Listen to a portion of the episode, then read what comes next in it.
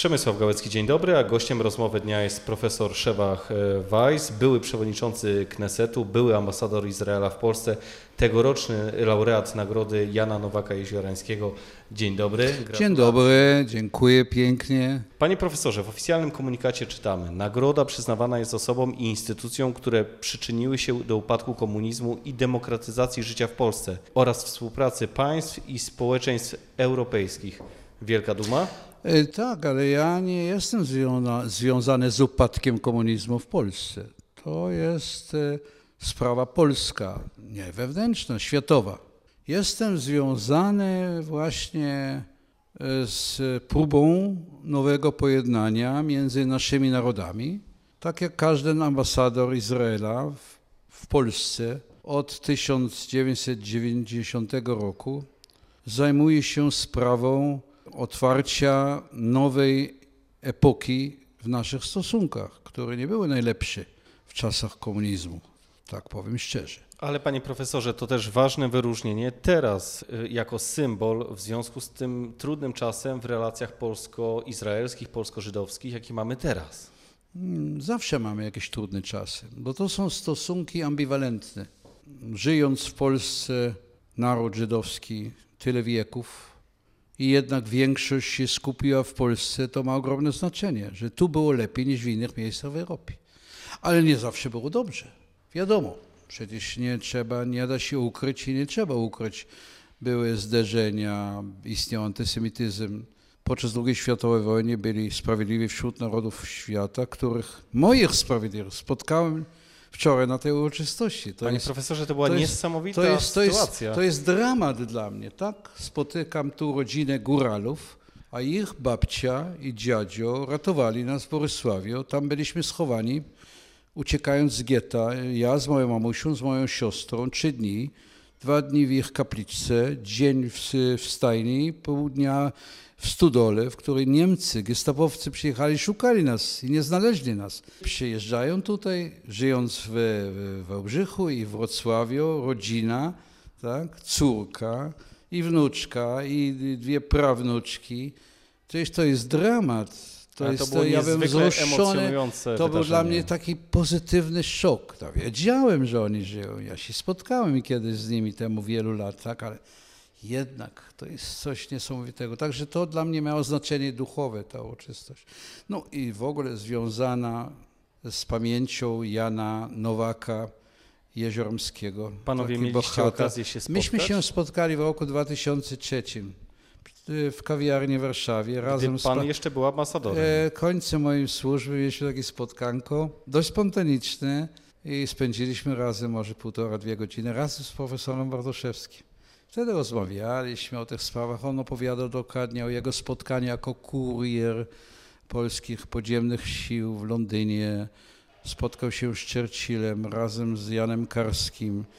O czym mówiono, co mu opowiadali, jak on reagował na to i tak dalej. W ogóle cieszył się, że jednak e, spotyka się z ambasadorem państwa izraelskiego, wiedząc mając świadomość, że to państwo było też stworzone przeważnie przez polskich Żydów. A to dla Pana jest tym większe wyróżnienie, że teraz otrzymał Pan nagrodę imienia właśnie tak, Jana Nowaka tak. Jeziorańskiego? Jednak on jest symbolem wolności.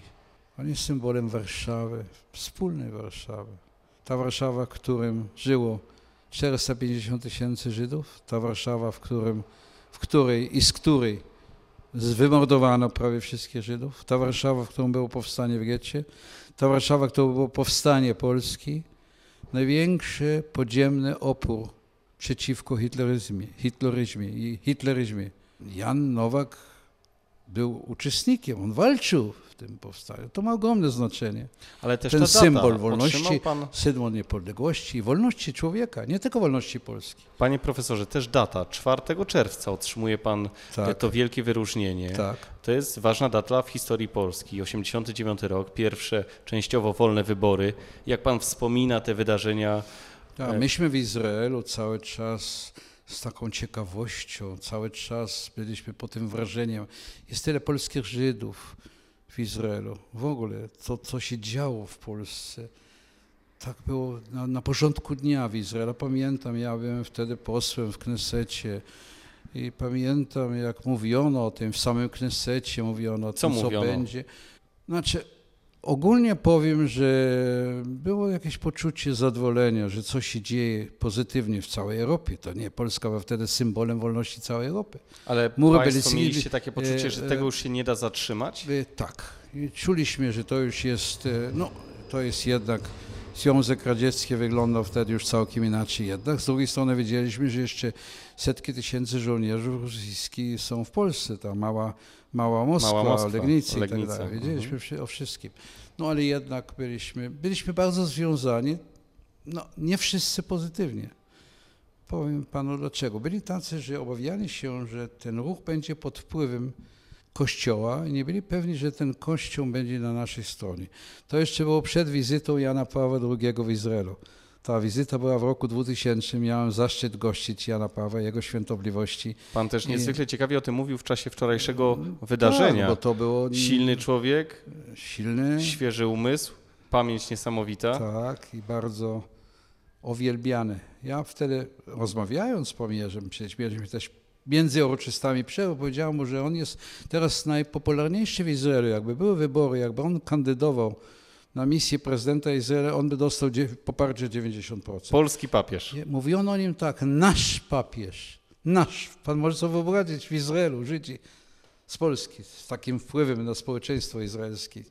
Panie profesorze, wróćmy trochę z historią. Pan urodził się w Borysławiu, teraz to jest Ukraina, ale w 1935 roku przecież to była Polska. Ale pan ma też bardzo mocne kontakty tutaj z Dolnym Śląskiem. Wałbrzych, gdzie To pan przez myśmy pewien czas wyjechali, przebywał. wyjeżdżając z Borysławia w 1945 roku, chcąc jednak być w Polsce i wyjechali z nami też część tych sprawiedliwych, którzy nas ratowali, innych sprawiedliwych, no i różni Polacy, między innymi na pewno szmalcownicy, ale ja teraz mówię tylko o sprawiedliwych, tak?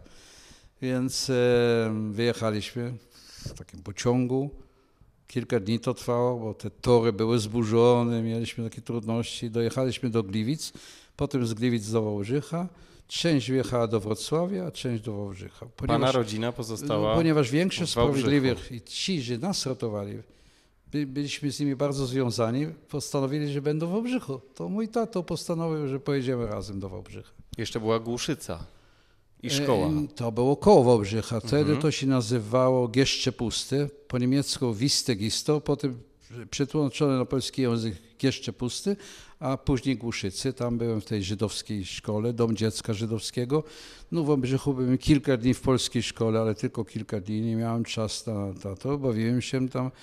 E, Wtedy spędzaliśmy czas inaczej. Potem myśmy wyjechali z Wałbrzycha.